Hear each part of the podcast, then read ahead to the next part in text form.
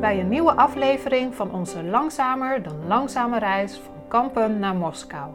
Mijn naam is Helene Westerman en samen met mijn man documenteer ik deze reis langs oude handelsroutes. En in deze aflevering verkennen we voormalig handelsstad Zwolle. Hier ontdekken we verschillende kerken en oude gebouwen die een nieuw leven hebben gekregen als toeristische attractie, boekwinkel, mini-hotel en horecagelegenheid. Ook bezoeken we de Zwolse synagoge, waar we meer leren over de nog steeds aanwezige Joodse gemeenschap van Zwolle. In de middeleeuwen was Zwolle een echte handelsstad. Zeeschepen kwamen vanaf de Zuiderzee via het Zwarte Water naar Zwolle toe. Daar aan de kades werden de goederen overgeladen op kleinere scheepjes, die dan weer over de vecht naar Duitsland vaarden. En natuurlijk werden er ook producten vanuit Duitsland weer naar Zwolle vervoerd en hier overgeslagen voor verder vervoer en gebruik. In 1272 werd er al melding gemaakt van de handel over de vecht richting Duitsland. En in de 16e eeuw groeven de Zwollenaren al een kanaal die een rechtstreekse verbinding had met de vecht, waardoor de reistijd behoorlijk werd ingekort. We beginnen ons bezoek aan Zwolle dan ook in een klein elektrisch bootje waarmee we door de gracht om het oude stadscentrum van Zwolle varen. De oude stadsmuur met haar vele torens is al lang geleden grotendeels afgebroken en vervangen door mooie oude huizen, parken, maar ook hedendaagse nieuwbouw. Alleen aan de noordkant zijn nog delen van de oude stadsmuur zichtbaar waar je nog mooie voorbeelden ziet van hoe er huizen tegenaan gebouwd zijn. En er staan ook nog twee mooie oude torens. In het zuidoosten van de stad staat nog één oude stadspoort, de Sassenpoort. Deze is in de meeste weekenden geopend voor bezoek. Na ons boottochtje zijn we daar dan ook als eerste heen gegaan. In de Sassenpoort werden we ontvangen door vrijwilliger Bert, die vol enthousiasme vertelde over de toren en eh, de stadsgeschiedenis van Zwolle. De Sassenpoort zelf stamt uit de 14e eeuw en heeft behalve als stadspoort later ook dienst gedaan als gevangenis en was tot in de jaren 80 in gebruik als archief voor de Rijksoverheid.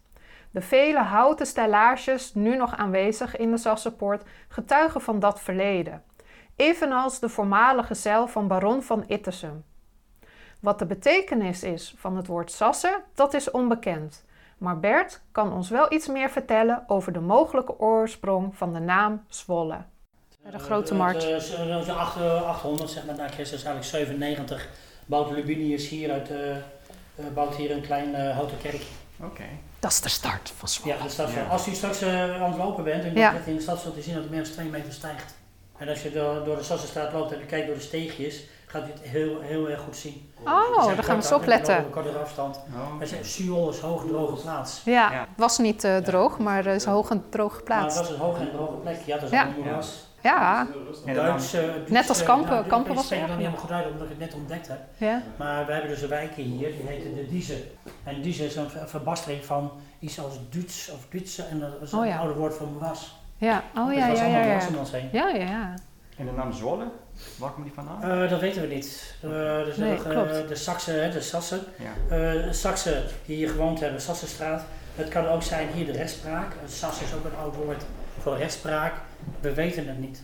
In Breda weet je zeker, hebben we gevonden, dat de stad aan de Brede A. Okay. Zwolle had de A, wat ik al vertelde, hè, die ja. zo strand.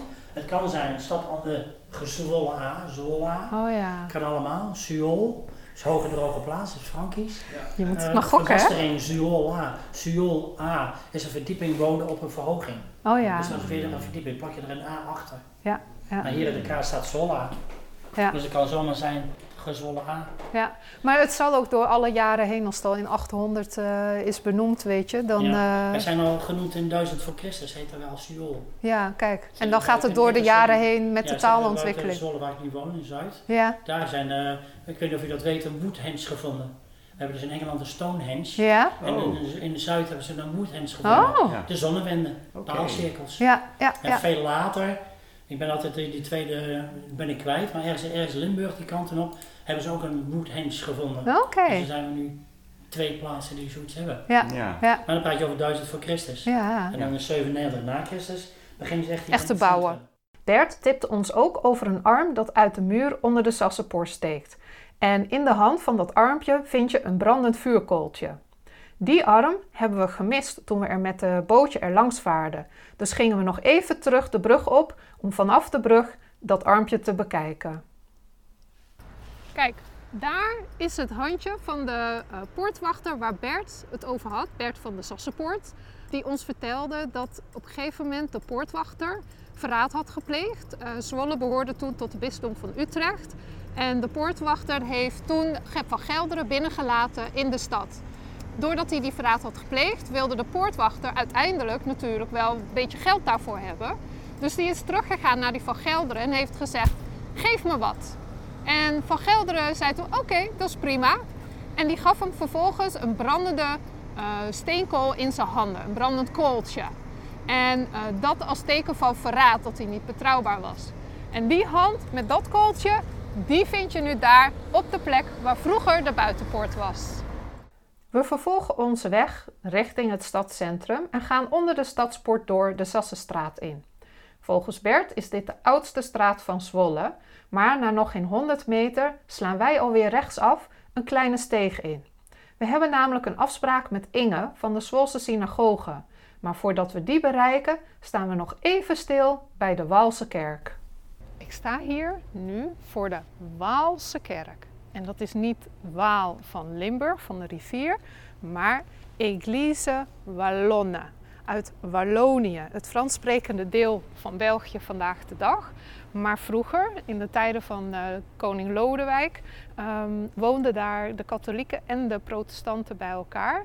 Maar toen het verdrag werd opgezegd, waardoor de protestanten niet meer beschermd waren, vluchtten heel veel hugenoten, zoals ze later werden genoemd, naar Nederland toe, waar er wel vrijheid van godsdienst was. En ook in Zwolle kwam er een kleine gemeenschap, die richtte de Waalse kerk op. Uh, zij namen plaats, uh, hun kerk is in een heel oud klooster uit 1500 zoveel. Maar in 1686 hebben zij hier een eigen kerk opgericht. Die bestaat nog steeds. Er zijn nog steeds Frans sprekende diensten hier in deze Waalse kerk om de 14 dagen. En um, wat ik heb begrepen is dat het niet alleen bezocht wordt door Fransen en van nature Franstalige mensen, maar dat er in Zwolle ook altijd wel een aantal mensen zijn die gewoon van de Franse taal halen. Dus heb je een keer zin in een kerkdienst in het Frans? Ga naar de Waalse kerk in Zwolle. Vijf huizen verder komen we aan bij de Zwolse synagoge, die in 1899 is opgeleverd. De synagoge is gebouwd in een eclectische stijl. Ofwel, er is gebruik gemaakt van verschillende bouwstijlen door elkaar. Van buiten ziet de synagoge er bijna uit als een kerk, maar de opschriften in het Hebreeuws samen met de afbeeldingen van de Davidster maakt duidelijk dat het hier om een synagoge gaat. In de synagoge praten we met Inge over de Zwolse Joodse gemeenschap. Nee, maar er is dus nog steeds een Joodse gemeenschap in Zwolle of is het uit de wijde omgeving dat mensen komen? Het is uit Zwolle en de wijde omgeving. Ja. Uh, en dat betekent dat we één keer in de 14 dagen een dienst kunnen hebben. En nou ja, je ziet dat daar nu een uh, witte voorhang hangt en op de bima, de verhoging, ligt een, uh, uh, een wit kleed. Um, synagoge is nu aangekleed voor de, de hoge feestdagen die er okay. deze week aankomen. En deze week hebben we Joods Nieuwjaar, Rosh Hashanah. Daarna Yom Kippur. Ja. En daar hoort de kleur wit bij. De, kleur van het nieuwe begin. En, uh, dus uh, iedereen gaat dan ook in het wit gekleed, althans zo licht mogelijk uh, kleuren. Ja, dus, want normaal gesproken hangt daar een, een, een paars gordijn. Mm -hmm. En het kleed op de bima is normaal gesproken rood. Dus het, ja. Het is en de voorbereiding. normaal een zwart keppeltje en in deze periode een wit keppeltje. Oké, okay. ja. En is het, um, je hebt een aantal stromingen binnen het Jodendom. Ja. En welke stroming is hier? Of dit is het een mix? Of? Nee, nee, nee. Uh, dit is formeel een uh, uh, orthodoxe synagoge. Dat valt onder het Nederlands-Israëlitisch kerkschap. Dus ja, orthodox, dat betekent ook dat de vrouwen aan die kant zitten, de mannen aan die kant. Kijk, vroeger was het zo, dan zaten de vrouwen op het balkon en ja. deze hele benedenruimte was, was voor de mannen. Um, nou, men zit dus nu nog steeds gescheiden. Uh, ja, je hebt, uh, maar dat hebben we niet hier in Zwolle, je hebt uh, inderdaad ook de liberale stroom, je hebt de nog verlichtere stroming in Beta Gidouche, je hebt de Masorti-joden, je hebt de Sephardische, de Portugese joden. En ik vergeet het vast ook nog wel eens. Wat ik zelf het hele aardige vind van deze synagoge, is dat hij is orthodox, dus daar horen een aantal regels bij. Daar houden we ons ook aan, dat is geen enkel probleem. Maar het is tegelijkertijd zo ongeveer de meest gastvrije gemeenschap die ik ken. Ja. Dus, eh, en dat, dat is zo ontzettend uh, zo prettig. Zo heb ik hem hier ook altijd meegemaakt. En zo is hij ook nog steeds. Ja. En dat, dat betekent dat ook mensen die wel een Joodse achtergrond hebben, maar niet formeel Joods genoemd mogen worden, die zijn hier toch welkom. Ze, eh, kijk, als het om mannen gaat, ze mogen niet dezelfde dingen doen die uh, een, een, een uh, nou ja, zeg maar even bewezen Joodse man. Ja, iemand die bar mitzwa heeft gedaan. Bar mitzwa, ja, maar ook of is dus via de vrouwenlijn ja, oh, ja. Joods is. Ja. Als je bijvoorbeeld een Joodse vader hebt en geen Joodse moeder, dan ja. uh, ben je formeel niet dan ben je Joods. formeel niet Joods. Ja. Je bent hier welkom, alleen je mag niet een gebedsmantel dragen, een talit, nee. en je kan niet opgeroepen worden, dat soort dingen. Daar houden we ons aan, maar mensen zijn wel welkom. welkom. En dat, dat, dat is in andere gemeenschappen nog wel eens uh, lastiger. Een beetje gevoelig. Ja, nee, zeker. En, en, en dan heb ik het niet zozeer over orthodoxe gemeenschappen, dat weet ik eigenlijk niet eens. Maar ik weet van, van liberale gemeenschappen waar men daar... Uh, toch nog wel weer daar op dat vlak wel weer strenger is dan... Strenger ja. dan, dan, dan, dan, wij als orthodoxe gemeente, ja. En daarom, uh, ja kijk, orthodoxie, ik, we hebben natuurlijk die discussie ook wel eens, is dat nog van deze tijd? Ja. Maar ja, zolang mensen zich daar goed bij voelen, denk ik dat het uh, helemaal oké is. En zolang je met elkaar een gemeenschap kan vormen die, die, die zo gastvrij is, die zo open is, ach, er is niet zoveel mis. Ja, nee. mannen en vrouwen zitten gescheiden, nou zo wat. En weet u ook, uh, want de Joodse gemeenschap is al heel oud in Zwolle. Ja. Uh, is het van oorsprong vanuit Duitsland uh, zijn de Joden naar hier gekomen? Dus niet hè, wat veel mensen denken dat de Portugese Joden, die vooral denk ik naar Amsterdam zijn gegaan.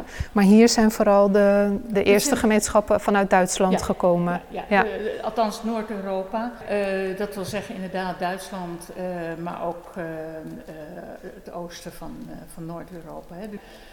Polen, Rusland, Baltische Staten enzovoort. Dus wat we hier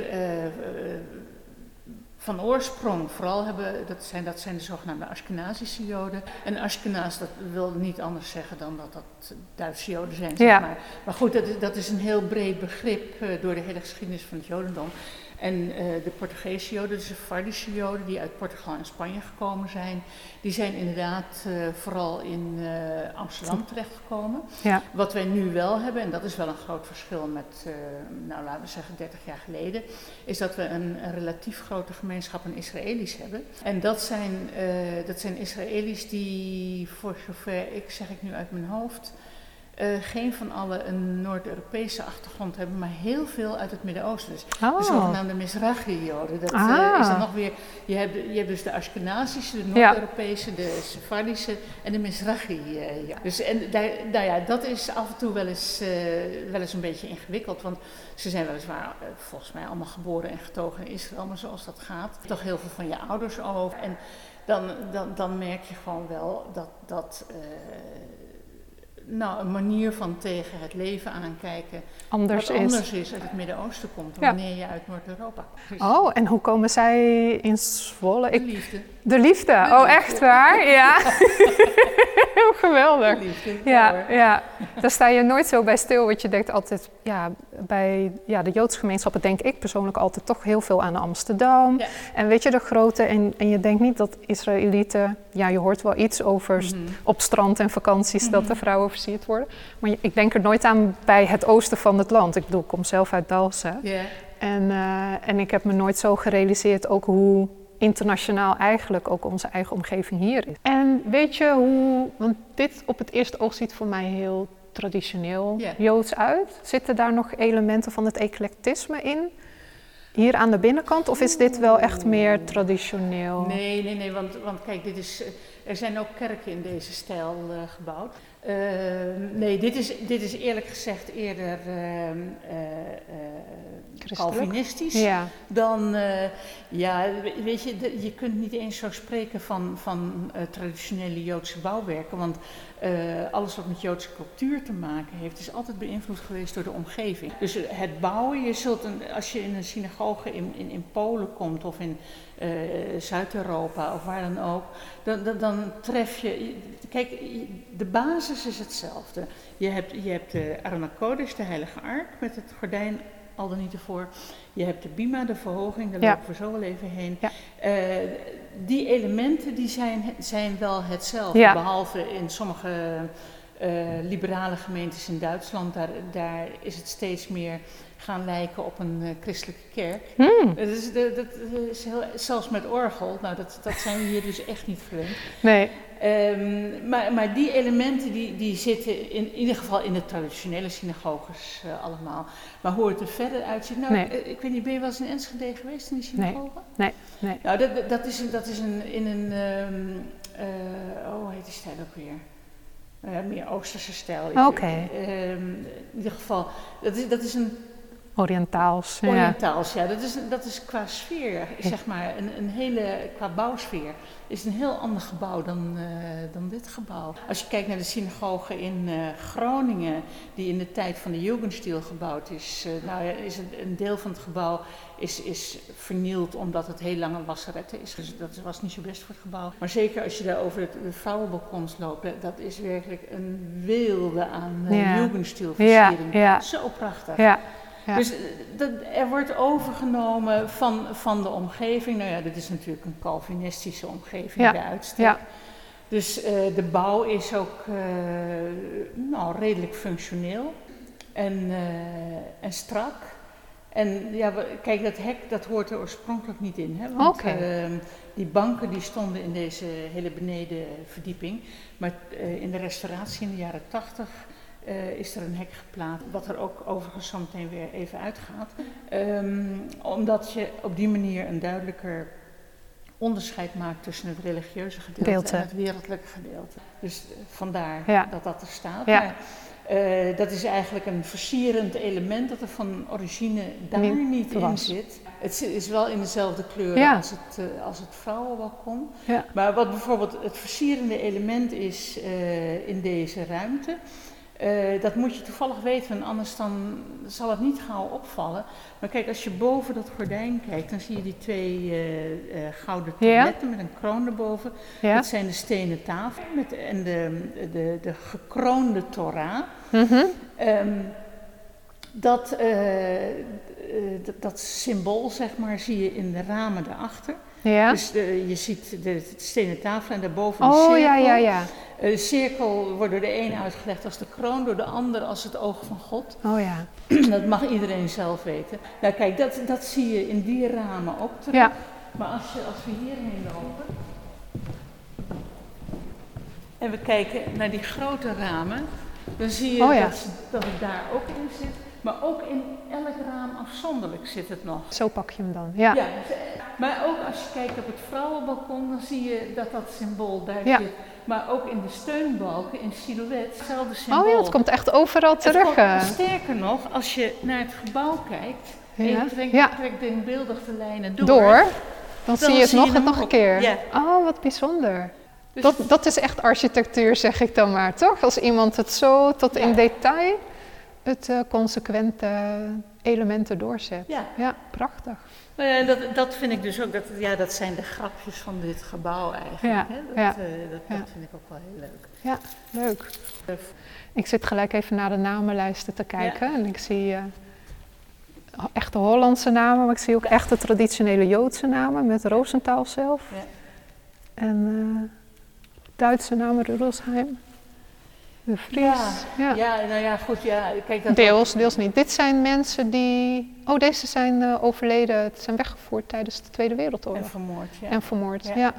Sobibor ook heel veel. Ja. Heel veel Sobibor. Een derde van de mensen is in Sobibor vermoord. Ja. Dat Is, uh, in uh, Sobibor zijn relatief veel Nederlanders uh, vermoord. Ja omdat op een gegeven moment uh, Auschwitz uh, had het druk met het vermoorden ja. van Grieken. En toen was er even geen plek voor anderen. En toen zijn uh, de Nederlandse treinen naar Sobibor.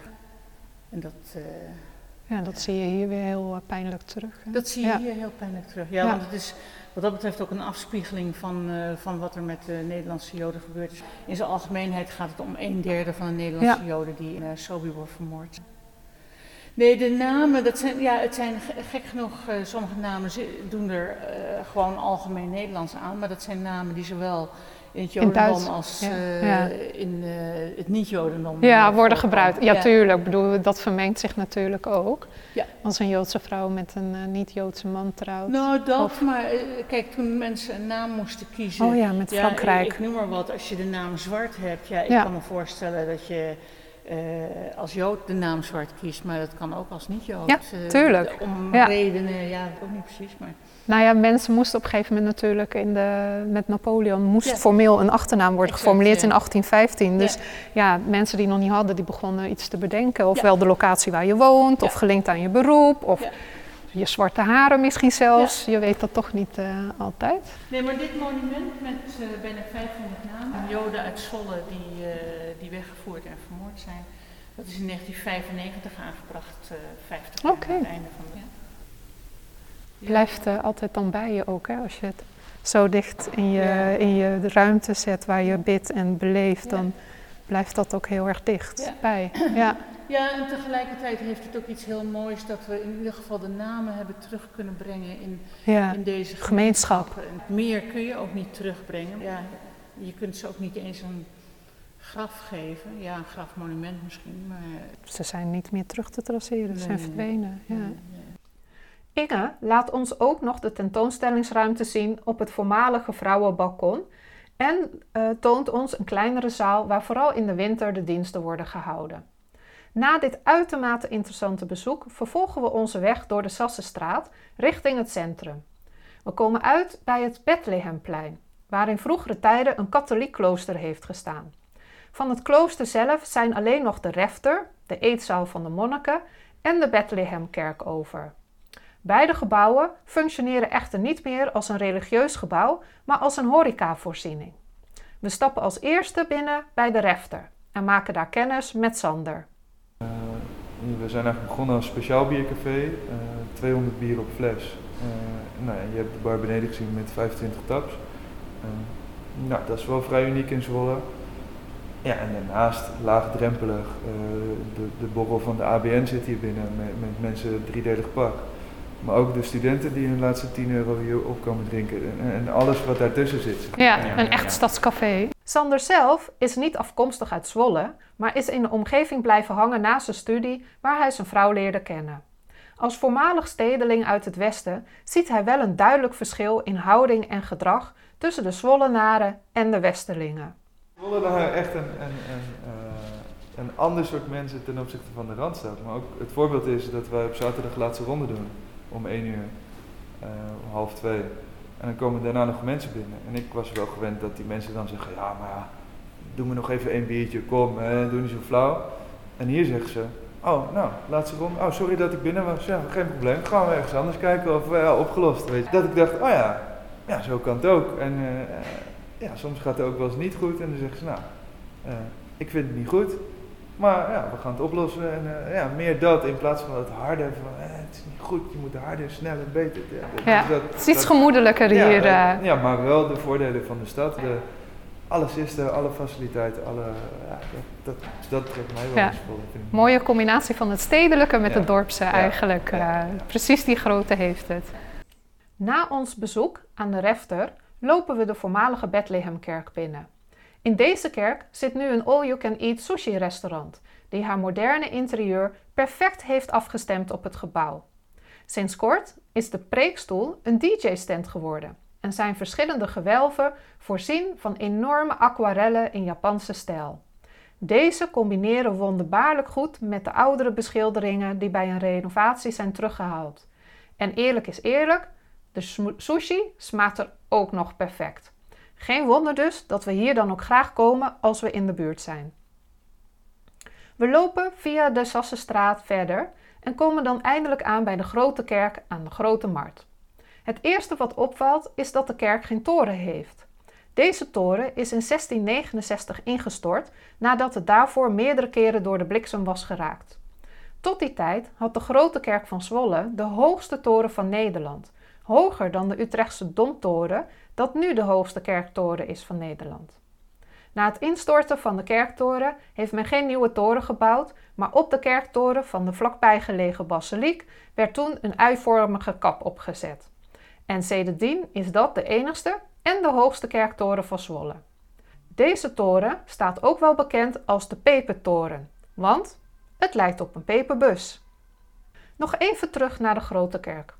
Alhoewel er hier op zondagmiddag nog een protestantse dienst wordt gehouden, waarbij muziek centraal staat, wordt het gebouw niet meer als een kerk omschreven, maar is het omgedoopt tot academiehuis.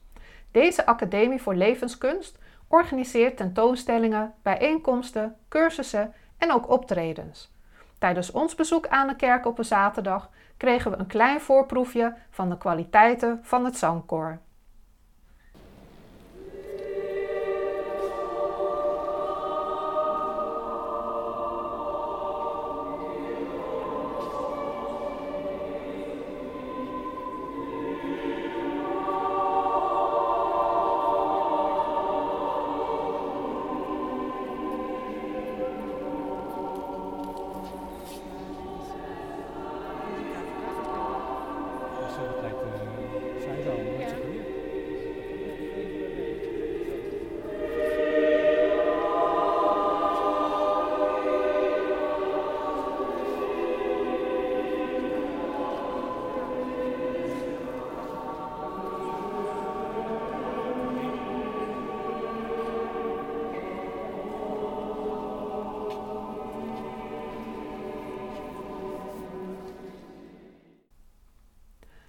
Nadat we even over de tweedehands boekenmarkt in de kerk zijn gelopen, verlaten we het gebouw weer op zoek naar nog een bijzondere kerk die geen kerk meer is.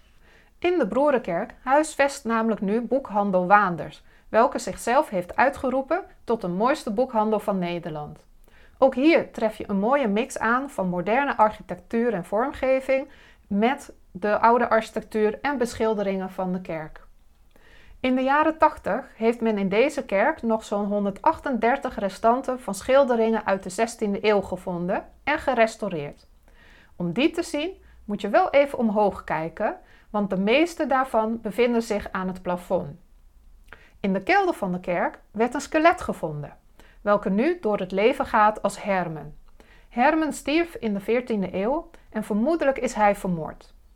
De plek waar hij is gevonden kun je nog steeds zien. Het is even zoeken tussen de tafels vol met boeken, maar daartussen staat een kleine pilaar met daarop een zwarte krop.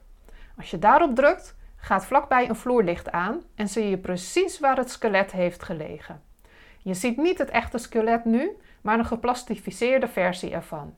Een deel van de botten wordt nog wel in de kerk bewaard, namelijk in het houten kistje aan de voeteneinde van deze nagemaakte skelet. Op de derde etage, in het Hemelcafé, vind je een reconstructie van hoe Herman er in de 14e eeuw eruit zou kunnen hebben gezien. Behalve al deze bijzondere details is boekhandel Waanders ook gewoon een leuke en goede boekhandel om te bezoeken. Je kan er ook nog lekker lunchen of gewoon een kop koffie met een taartje eten. En ik moet toch wel concluderen dat het wel echt een mooie boekhandel is. En ook voor mij de mooiste boekhandel tot nu toe die ik van Nederland heb gezien. Ons bezoek aan Zwolle sluiten we af met een bezoek aan een van de twee overgebleven torens in de oude stadsmuur van Zwolle. Tijdens de voorbereidingen op ons bezoek aan Zwolle ontdekte ik in een van de torens een bed and breakfast. In de Pelsentoren hebben Marie-Louise en Andries een prachtige plek gecreëerd met drie kamers en een dakterras dat uitkijkt over de gracht van Zwolle. Het heeft te maken met de Hanse-tijd. En, en eigenlijk was het, uh, de, was het slim als je toet had tot de Hanze. Ja. Om je handel die je had, zeg maar, af te schermen voor die rondzwervende uh, bendes. bendes enzovoort. Dus dat is eigenlijk de ontstaansgeschiedenis van de stadsmuur en al mhm. die torens. Er zijn er 23 van geweest hier rondom. Mm Er zijn er nu nog twee, zeg maar. Dat is deze. En dan een eindje verderop zit het beugeltje, zit die, is die kroeg, zeg maar. Ja. En waarom ze er nog zijn, is dat in, in 80, vorige eeuw, 1980, deze was, je kan het wel zien, hier zat nieuwe steen. En toen hebben ze besloten om hem te renoveren, restaureren. In de vorm waarvan ze denken dat hij er ooit zo uit heeft gezien. En daar hebben ze een heel mooi woord voor, heb ik gelezen. Dus historiserend restaureren. Zeg maar. Dus dan hebben ze overal rondgekeken om mogelijkerwijs is het dat wel geweest, zeg maar. Dus er is nooit meer een exacte tekening over, of een, schilderij of zo geweest. Waar deze is.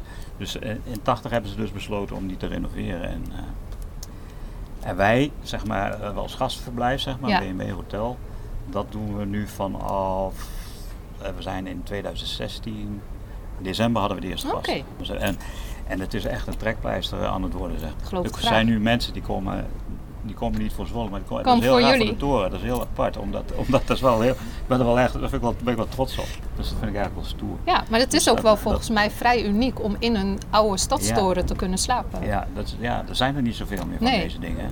de- Nou, waar, waar de naam eh eh, Pelse Toren vandaan komt, en dus eigenlijk is dat later ontstaan. Hij heeft eigenlijk heel- in het verleden niet echt een naam gehad. Zeg maar in het verre verleden. Mhm. Maar waar, waar die, eh, eh, je hebt hier ook het Pelse bruggetje. En waar Ja. het aan ontleend is, omdat hier eh, bondwerkers eh, op, eh, zeg maar opereerden. Die waren hier werkzaam. Ja, En die wasten hier de huiden in de gracht, zeg maar, in het Oh, water. En werd hier te droog gelegd. En, en dat gebeurde hier aan, aan de Ah. kant, zeg maar. ja, En daar zijn, is die naam Pelse Toren, van pels van huid, ja, is, is vandaan gekomen. ja. Ja. zo. Maar wat het, dit echt als functie heeft gehad, ja, meer als dan... verdediging, hè? Verdediging, wel, dus verdediging en versteviging, daar Ja, waren die toren. wel. Maar verdediging en versteviging, plus Ja. een aantal, nou, je hebt het over de Sassenpoort gehad. Er waren vier of vijf van die, eh, Ja. zal die man wel verteld hebben. Ja. Een paar hele mooie toegangspoorten. Hier, Ja. deze poort heeft de, naam, is, daar is- staat ook wel, daar kun je iets van, zien, iets van lezen. Maar nou, het zijn een aantal toegangspoorten. En dan een hele zwik van deze uh, verdedigingstoren. Ja. Ik denk dat Andries gelijk heeft. Dat als je even voorbij de winkelstraten en de cafés van Zwolle kijkt, je al snel heel veel bijzondere gebouwen en verhalen ontdekt. En ook nu zoekt de gemeente Zwolle nog steeds naar nieuwe mogelijkheden en functies voor de vele oude gebouwen die de stad rijk is.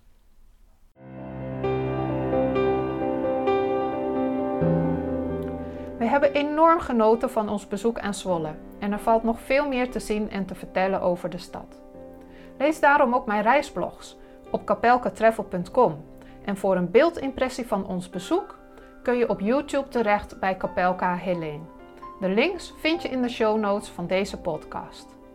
En mocht je nog denken dat Zwolle ver is, vanuit Amsterdam ben je er met de trein binnen anderhalf uur en vanaf Utrecht is het nog geen uur. Bedankt voor het luisteren naar de derde aflevering van onze langzamer dan langzame reis van Kampen naar Moskou. In de volgende aflevering wandelen we van Zwolle naar Dalzen, het dorp waar ik ben opgegroeid. Onderweg komen we onder andere langs bij een landgoed met de naam Mataram. Dat verwijst naar een vroeger Javaans rijk in Indonesië. Hoe dat zo is gekomen dat je dat hier aantreft, vertel ik in de volgende aflevering.